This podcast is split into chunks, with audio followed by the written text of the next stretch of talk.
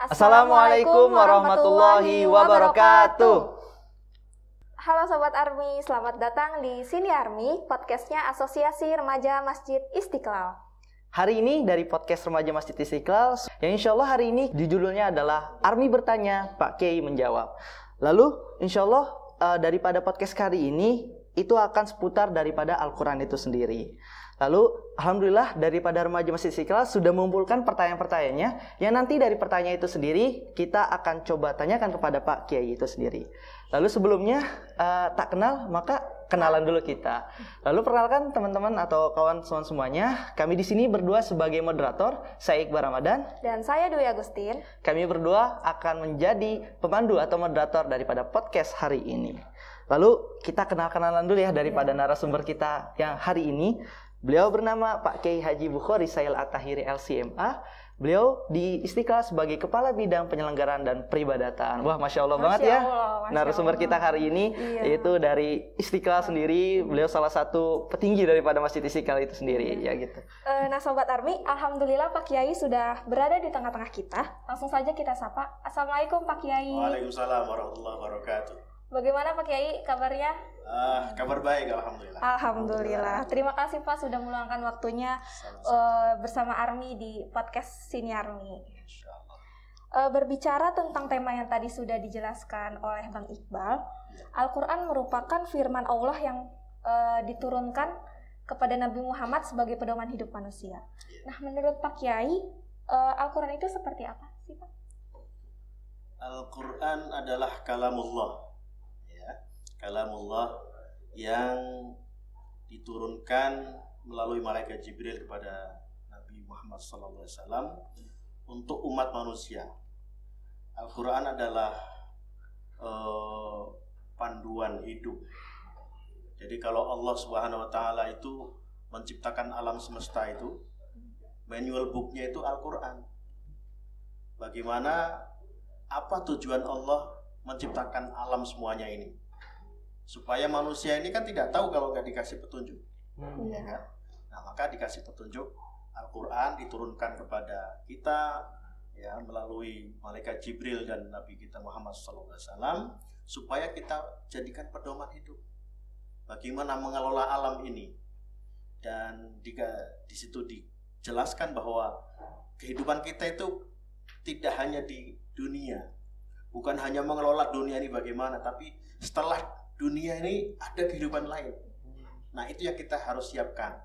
Itu Al-Quran jelaskan semua. Jadi Al-Quran adalah uh, pedoman hidup, manual book yang diturunkan oleh Allah untuk bagaimana kita mengelola alam raya ini dan kehidupan kita ya lahir batin ya karena kita untuk nanti sampai ke akhirat dengan selamat kita bisa hidup di hari dengan sejahtera juga itu kita siapkan di sini dan petunjuknya ada di Al-Quran semua. Masya Allah. Masya Allah banget ya. Berarti iya. tadi mention juga dari Pak Kiai bahwasanya memang Al-Quran ini adalah manual book yang bukan hanya dimensinya itu dunia saja, tapi dunia, tapi dun, tapi akhirat juga tembus iya. ya. Ya. Jadi dari kita lahir, dari kita gimana sosialisasi masyarakat, pokoknya lengkap banget deh tuh yang namanya Al-Quran itu Allah kasih kepada kita iya. gitu Pak Kiai. Masya Allah Pak Kiai. Uh, apa namanya jawabannya? Lalu Pak Kiai hmm, dalam Quran surat Al-Baqarah ayat 208 bahwasanya Allah menjelaskan Islam itu secara kafah Pak Kiai ya, gitu ya. Nah, menurut Pak Kiai, uh, Islam yang kafah itu seperti apa sih Pak Kiai? Ya, itu kan ayatnya itu kalau nggak salah udkhulu fisilmi kafah kan. Ya. Jadi kita disuruh masuk Islam secara keseluruhan, secara kafah. Uh, ayat ini kalau tidak salah ini asbabul nuzulnya itu ada seorang Yahudi atau rombongan sekelompok Yahudi yang masuk Islam yang diketuai oleh kalau tidak salah ini ya Abdullah bin Salam. Jadi mereka ini masuk Islam tetapi mereka masih mengagukan hari Sabtu. Hmm. Hari Sabtu kan hari rayanya mereka tuh, yeah. ya kan? Kemudian mereka tidak menyukai onta. Hmm. Artinya onta ini dianggap budayanya orang Arab, ya orang Islam. Kemudian mereka masih mengagukan hari Sabtu, eh, maka turunlah ayat ini hulu fisilmi kafatan masuk Islamlah secara kafah, secara menyeluruh, jangan sepotong-sepotong gitu. Jadi kalau kita dari budaya lain masuk Islam kita ikuti semua yang ada di Islam itu itu jadi kita hal-hal yang tidak berkaitan lagi dengan Islam yang bertentangan apalagi ya jangan kita kemudian masih kita pakai. Hmm. Jadi kalau kita dari Yahudi kemudian dia masih melakukan hari Sabtu, berarti dia masih keberatan dia secara akidahnya belum belum semuanya masuk ke Islam. Dia masih keberatan di sana.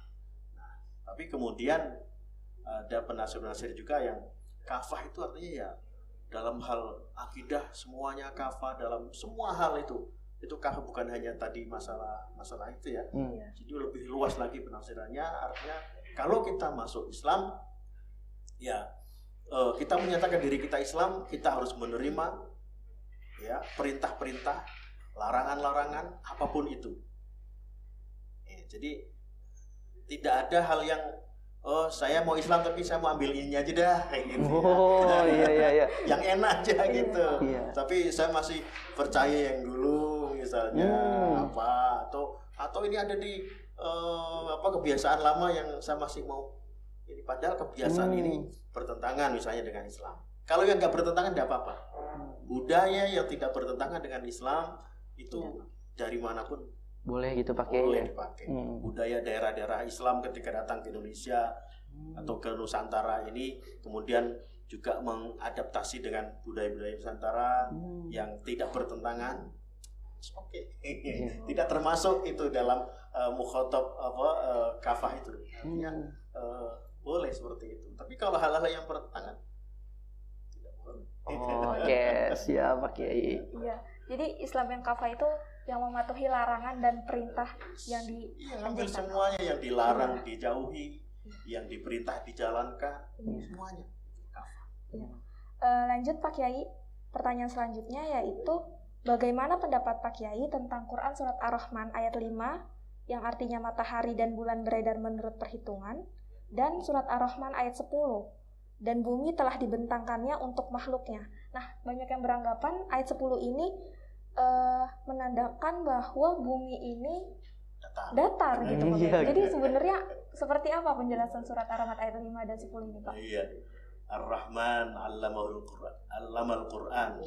Khalaqal insan 'allamahul bayan. Iya. Wasyamsu wal qamaru bihusban.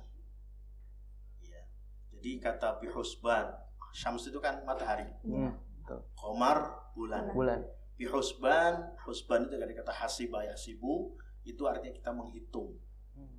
Menghitung itu artinya uh, dengan uh, segala ketelitian hmm. ya yeah. ketelitian sehingga asyamsu wal kamaru bulan dengan matahari yang dalam keseharian kita lihat itu seperti kejar-kejaran. Ya kan iya tapi itu tidak tabrakan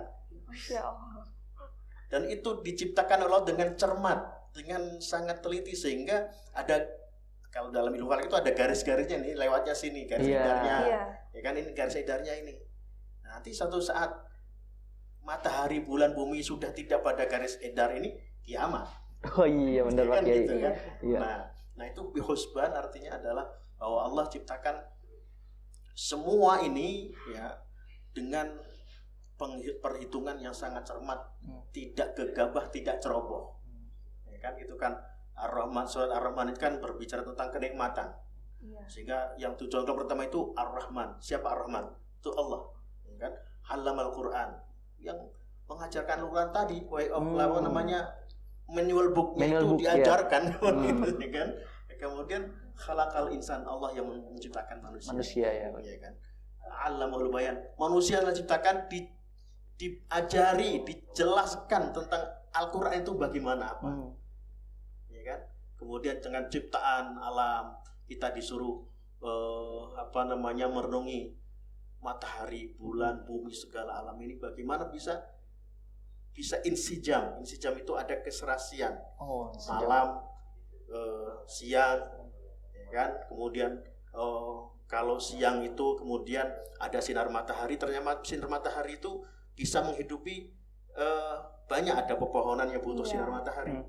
ada kita juga butuh sinar matahari, ya kan? Iya, Pak. Tapi tidak selama atau segitu ada ada malam kita disuruh istirahat. Oh iya. malam. Iya. Itu ah, tapi ada juga binatang yang hidupnya malam. Betul. Luar biasa itu kan. Nocturnal ya Pak Kiai ya. Dia ya, Cik.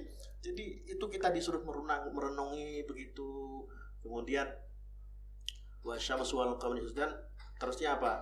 Eh, Wan najmu wasyajaru yasjudan. Ya. Jadi itu Allah juga menjelaskan bahwa yang mengabdi kepada Allah itu bukan hanya yang di bumi, syajarah di bumi, Hmm. najm di langit. Baik yang di langit maupun di bumi itu yasjudan pada sujud pada Allah Subhanahu wa taala.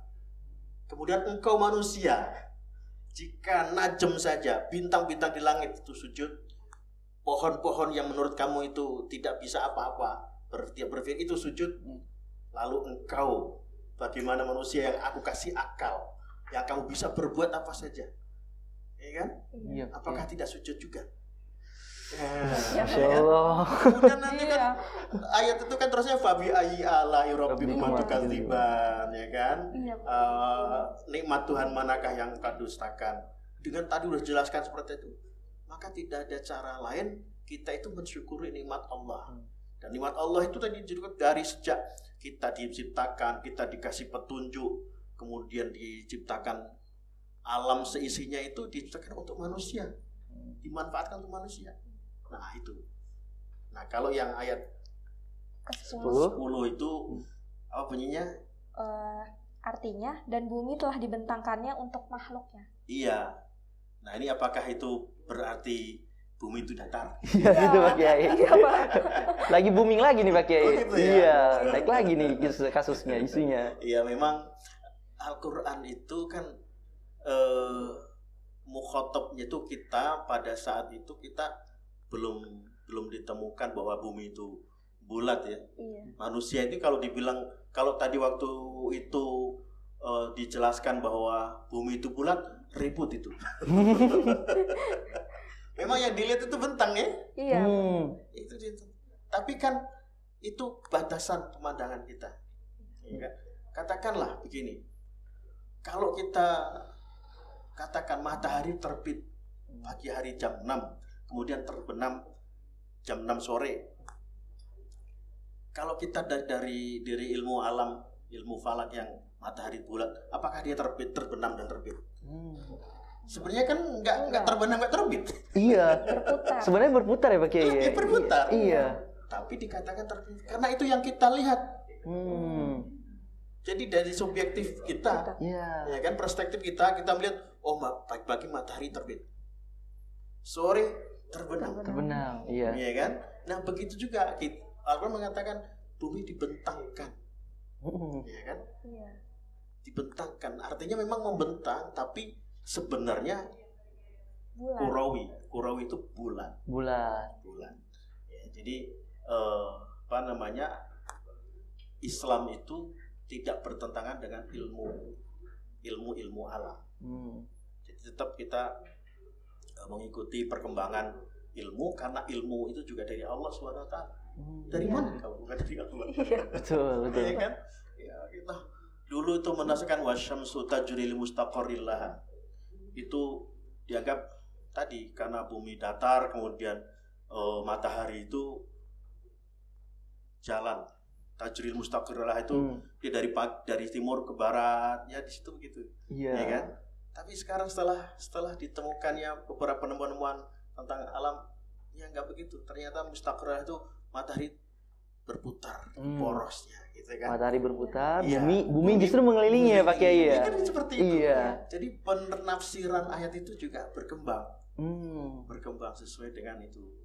Itu. Jadi eh udahlah kita kita tidak tidak apa tidak membantah penemuan-penemuan Hmm. eksak itu kita Hmm. membantah. Memang penafsiran itu ternyata oh, maksudnya ini. Iya. Eh, gitu, gitu. Dalam penafsiran kan, oh ternyata maksudnya ini. Membentang itu memang membentang. Hmm.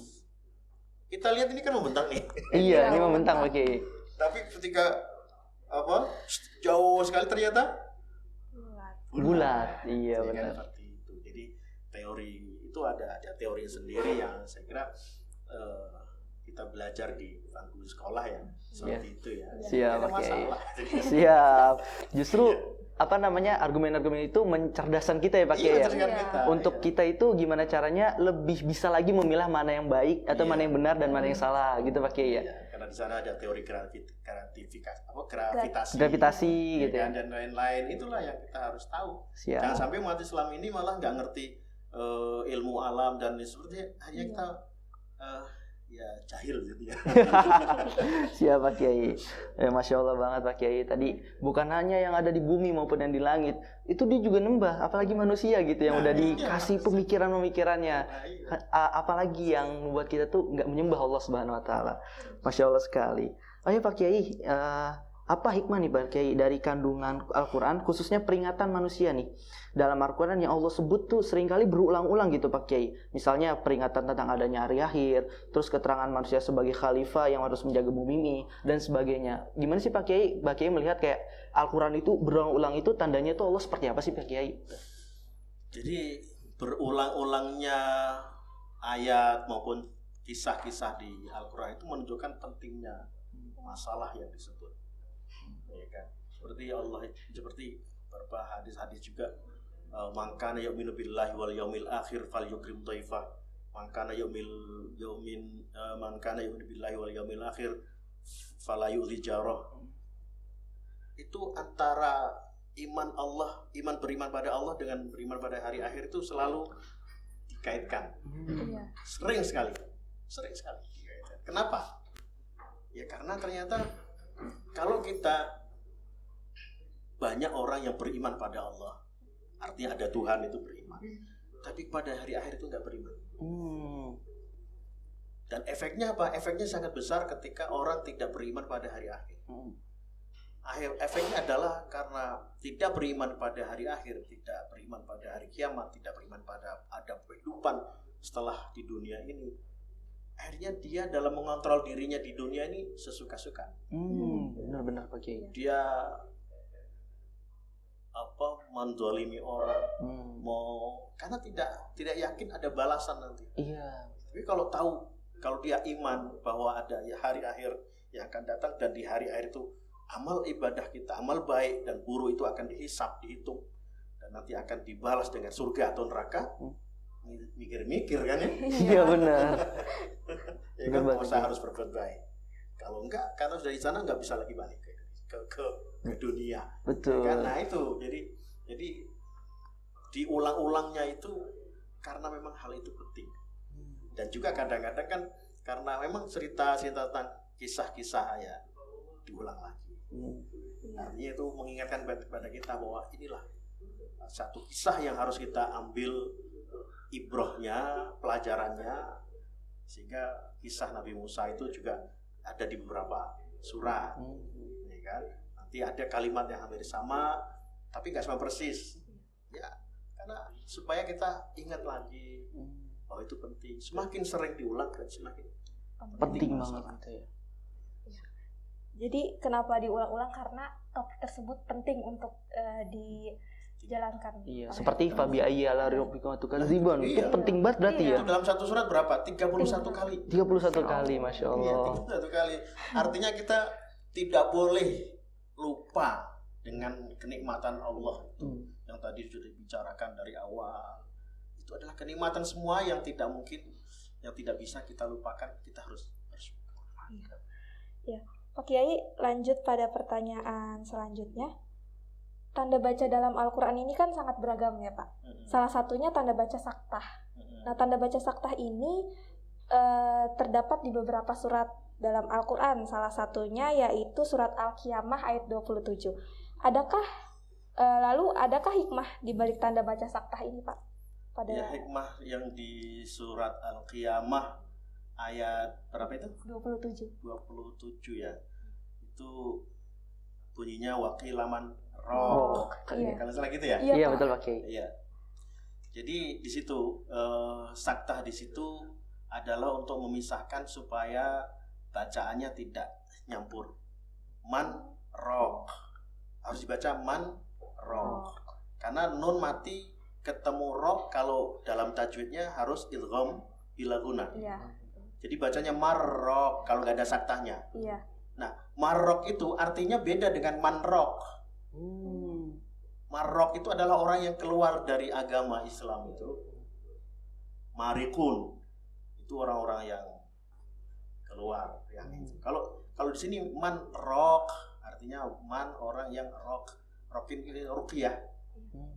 supaya itu ya itu doa biar sembuh gitu ya. Hmm. Nah, seperti itu. Jadi itu uh, ya ini satu satu satu apa namanya pengertian ya seperti hmm. itu mungkin orang lain ada yang punya pendapat lain ya iya iya okay. jadi itu harus dibaca manrok tidak boleh jadi dijeda gitu ya. Dijeda. Hmm. supaya tidak nyampur supaya tidak dibaca marrok kalau nggak oh. ada saktanya dibaca marrok marrok kalau ya. marrok mungkin uh, orang mengiranya marrok yang berarti adalah uh, orang yang keluar dari seperti itu siap siap Pak Kiai. Wah luar biasa banget Pak Kiai ya. Nyata Al-Quran ini sendiri memang dari setiap katanya detail banget ya Pak Kiai ya, ya dalam memberikan penjelasan-penjelasan kepada kita. Biar nanti manual bukti ini sendiri dapat kita pahami dengan benar gitu Pak Kiai ya, ya siap.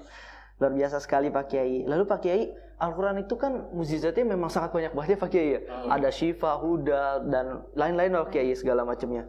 Tapi Pak Kiai uh, kita gitu atau Iqbal aja gitu ya Pak Kiai ya. Ya sebagai manusia kadang mungkin kayak lalai gitu Pak Kiai terhadap nikmat-nikmat atau muzizat-muzizat yang Allah kasih ke kita. Lalu Pak Kiai uh, ada gak sih Pak Kiai kayak uh, muzizat yang udah Allah kasih nih tentang Al-Quran nih, tapi manusia tuh lalai gitu dalam memahaminya gitu Pak Kiai. Ya kita memang apa ya kita ini kan memahami Al-Quran baru sedikit Berapa coba yang kamu paham tentang Al-Quran? saya 0,001 persen kali bagi. Iya kan? Iya. Orang yang sudah membuka bikin tafsir Al-Quran pun belum belum mau menyeluruh gitu. Uh. Iya, karena masih masih masih ada juga yang yang si fulan tafsir. Makanya ada beda-beda tafsir itu iya. semuanya bagus dan perlu kita pelajari. Kenapa? Karena si fulan ketika menafsirkan ini berapa uh, titik beratnya pada ini. Si fulan ternyata dia ngambil ya sisi yang lain itu luar biasa. Jadi belum ada tafsir yang memang menyeluruh semuanya. Apalagi kita kita ini kan iya, mujizat banyak sekali. Al-Quran sendiri itu adalah mujizat.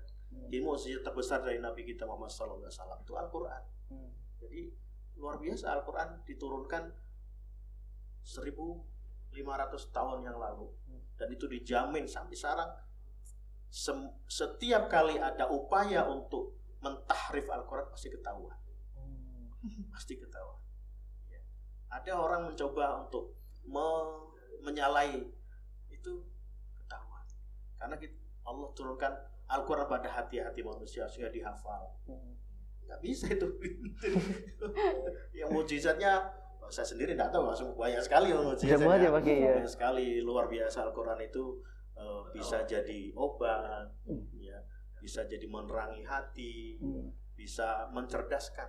Oh, bisa juga mencerdaskan, ya. Al-Quran itu mencerdaskan. Kalau kita sering baca Quran itu kita semakin cerdas. Hmm. Lihat aja orang-orang orang-orang yang sering baca Quran itu pertama hatinya lapang, ya, pandangannya itu luas, kemudian dia cerdas. Boleh di boleh dites.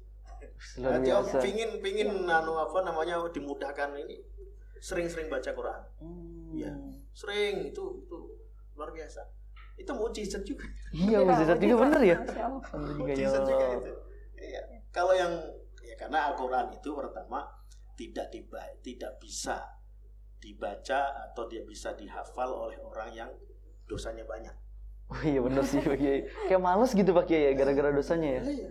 Kalau orang dosanya banyak itu terhijab oleh dosa itu, maka tidak bisa tembus. Tidak bisa tembus. Nah, kalau dosanya semakin menipis nih, bisa lah Quran itu, ya kan?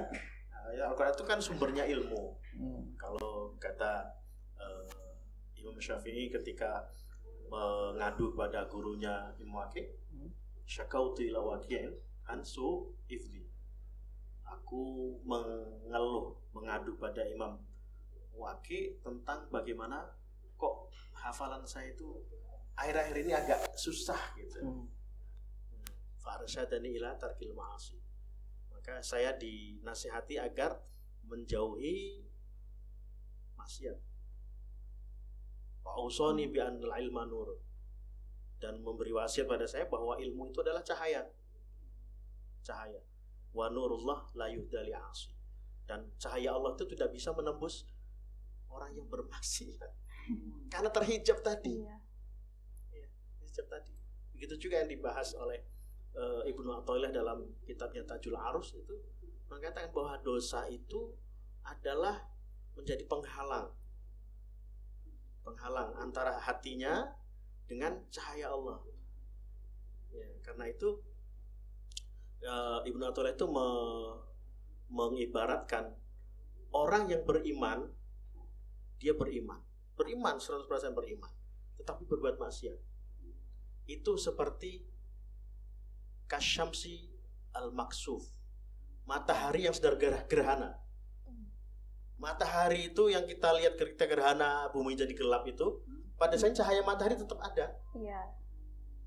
Tapi terhalang oleh bulan sehingga nggak sampai ke kita. Ke bumi. Seperti itu iman dan dosa itu seperti itu. Uh, iman yang memancar cahaya iman yang memancar itu kemudian terhalang oleh dosa-dosa tidak bisa masuk ke hati. Seperti itu. Itu juga Al-Quran. Al-Quran dengan hati kita itu begitu juga. Kalau kita selebor lah kata orang ya. Selebor. Makanya orang hafiz orang itu memang harus menjaga betul itu. Menjaga untuk menjaga itu harus dijaga dari hal-hal yang walaupun yang menurut orang awam itu biasa aja lah itu. Tapi kalau kita benar-benar hafiz enggak boleh itu. Harus jaga bersih benar. Ya, seperti itulah Al-Quran. Itu Al-Quran sebagai cahaya iya. uh, Pak Kiai lanjut pada pertanyaan terakhir uh, mana yang lebih baik Pak antara Al-Qur'an uh, tanpa terjemahan dan Al-Qur'an yang ada terjemahannya Pak? Iya. Nah, itu tergantung kitanya ya. Oh, tergantung kita. Ya, kitanya ini selevel apa gitu kan. Hmm. Kalau kita uh, baca Quran itu bisa baca tapi nggak ngerti artinya, iya. bagus kita ada terjemahnya sehingga kita tahu maksudnya apa. Walaupun ya kita terjemah Al-Quran itu jangan itu hanya untuk mengetahui artinya, jangan diambil untuk istimbat hukum. Jadi mentang-mentang kita uh, ini di Al-Qur'annya begini nih, oh hukumnya ini jadi begini. Karena istimbat hukum atau pengambilan hukum, penentuan hukum tertentu itu harus melalui ahlinya. Ahlinya.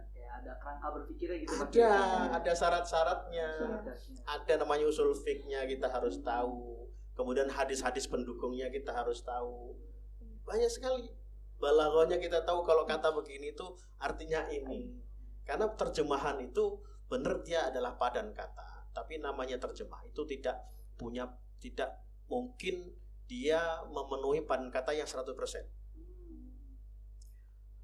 bahasa itu itu terkait erat dengan budaya dan lokasi. Ketika Arab diterjemahkan ke Indonesia budaya Arab dengan Indonesia beda. Memang ada badan katanya dicari ketemu tapi rasa bahasanya beda makna bahasanya beda. Oh, nah ya kan? Iya.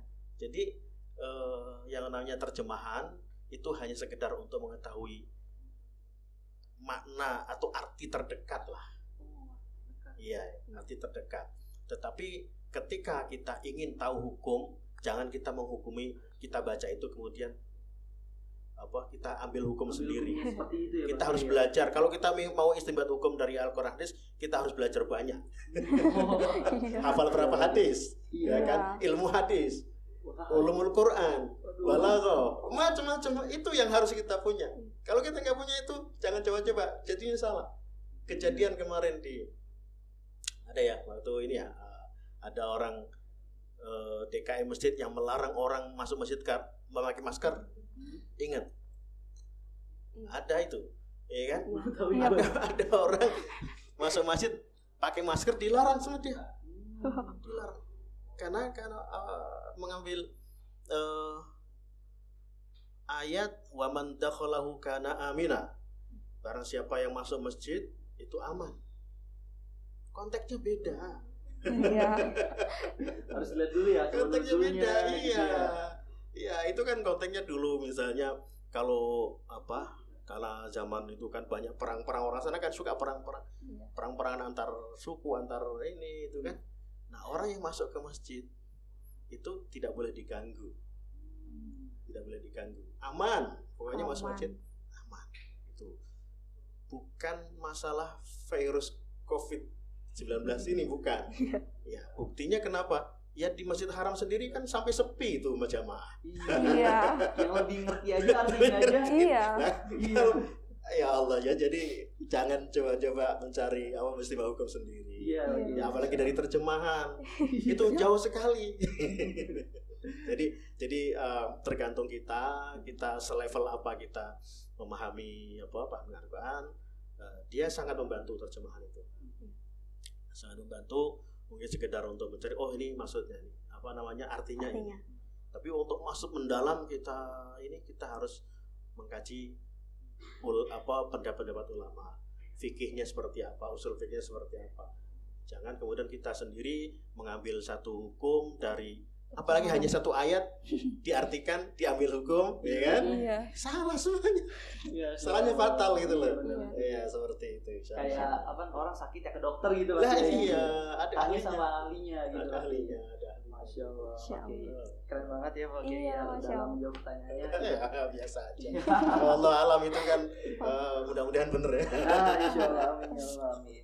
Ayo Pak Kiai, uh, tema pembahasan kita adalah tentang Al-Quran. Mungkin Pak Kiai ada closing statementnya gitu Pak Kiai tentang apa namanya Al-Quran ini sendiri pesan-pesannya gitu pada yeah. para pemuda gitu terutama kita nih remaja yeah. dan Indonesia gitu pada khususnya gitu Pak Kiai closing statementnya. Uh, iya, uh, tadi sudah di kita singgung ya bahwa Al-Quran itu manual booknya kita hidup di dunia ini ya. Jadi ya supaya kita bisa hidup dengan benar kita harus paham manual book kita harus baca itu Iya kan? Iya. Kalau kita punya alat elektronik baru, kita harus baca dulu itu manual booknya ya. Ini harus ke mana, jalurnya mana. Kalau salah colok bisa konseling. ya itu, itu kita harus harus itu. Minimal kalau kita tidak bisa baca sendiri, kita belajar. Iya. Belajar dengan orang yang mengerti, ya kan? Ya, supaya kita tidak salah. Memang kalau kalau kita belajar sendiri tanpa guru nah, ya jadi kita perlu apalagi remaja masih punya banyak waktu untuk belajar. Dan habiskanlah waktu untuk belajar. Mas luas sekali yang harus kita pelajari dan ilmu itu kan kata orang dulu ibarat lautan. Air laut. Semakin kita banyak mencari ilmu ternyata masih semakin haus.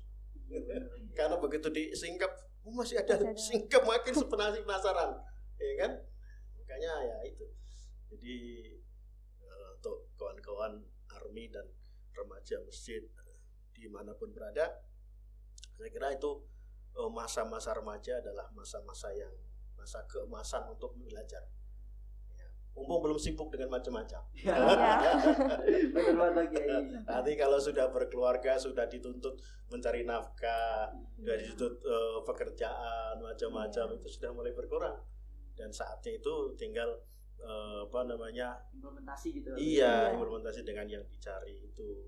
Di samping ya tetap juga mencari tapi tidak tidak lagi waktu waktu-waktu yang seperti remaja gitu. Jadi waktu remaja jangan buang-buang waktu. Jangan buang waktu gunakan waktu sebaik-baiknya untuk belajar semua yang berkaitan dengan Al-Quran. Ya kalau bisa tahfidz hafalkan Al-Quran. Karena itu tadi Al-Quran kalau kita baca saja mencerdaskan kalau apalagi kita hafalkan. Iya. Lebih lagi pasti. Iya itu menjaga menjaga diri gitu ya. Saya kira saya kira itu mudah-mudahan uh, ada di remaja semuanya sehat. Amin. semua bisa belajar Amin. Ya bisa mendalami Al-Quran di mana pun berada dan dan bisa mengamalkan ajaran Islam dengan sebaik-baiknya. Masuk Islam secara kafah Alhamdulillah ya alamin. Terima kasih Pak Kiai Bukhari sama-sama yang telah meluangkan waktunya dan berbagi kepada kita ilmunya. Semoga kita doakan juga nih semoga Pak Pak Kiai keluarganya disehatkan oleh Allah. Amin. Amin. Pak Kiai juga diberkahi hidupnya. Amin. Semoga rezekinya juga lancar segala macamnya. Kita doa terbaik buat Kiai. Amin. Amin. Lalu untuk para pendengar setia daripada podcast Remaja Masjid Istiqlal, uh, terima kasih telah menonton daripada atau mendengar ya daripada Iya. podcast Remaja Masjid Istiqlal sini. Uh, mohon maaf apabila ada kesalahan-kesalahan data dari kita Iya. dan ditunggu juga nih podcast daripada sini Army selanjutnya. Aryo Kalam, terima kasih kepada uh, dari kita untuk kalian yang telah menonton. Kita daripada moderator pamit undur diri. Assalamualaikum warahmatullahi Wabarakatuh. wabarakatuh. Waalaikumsalam.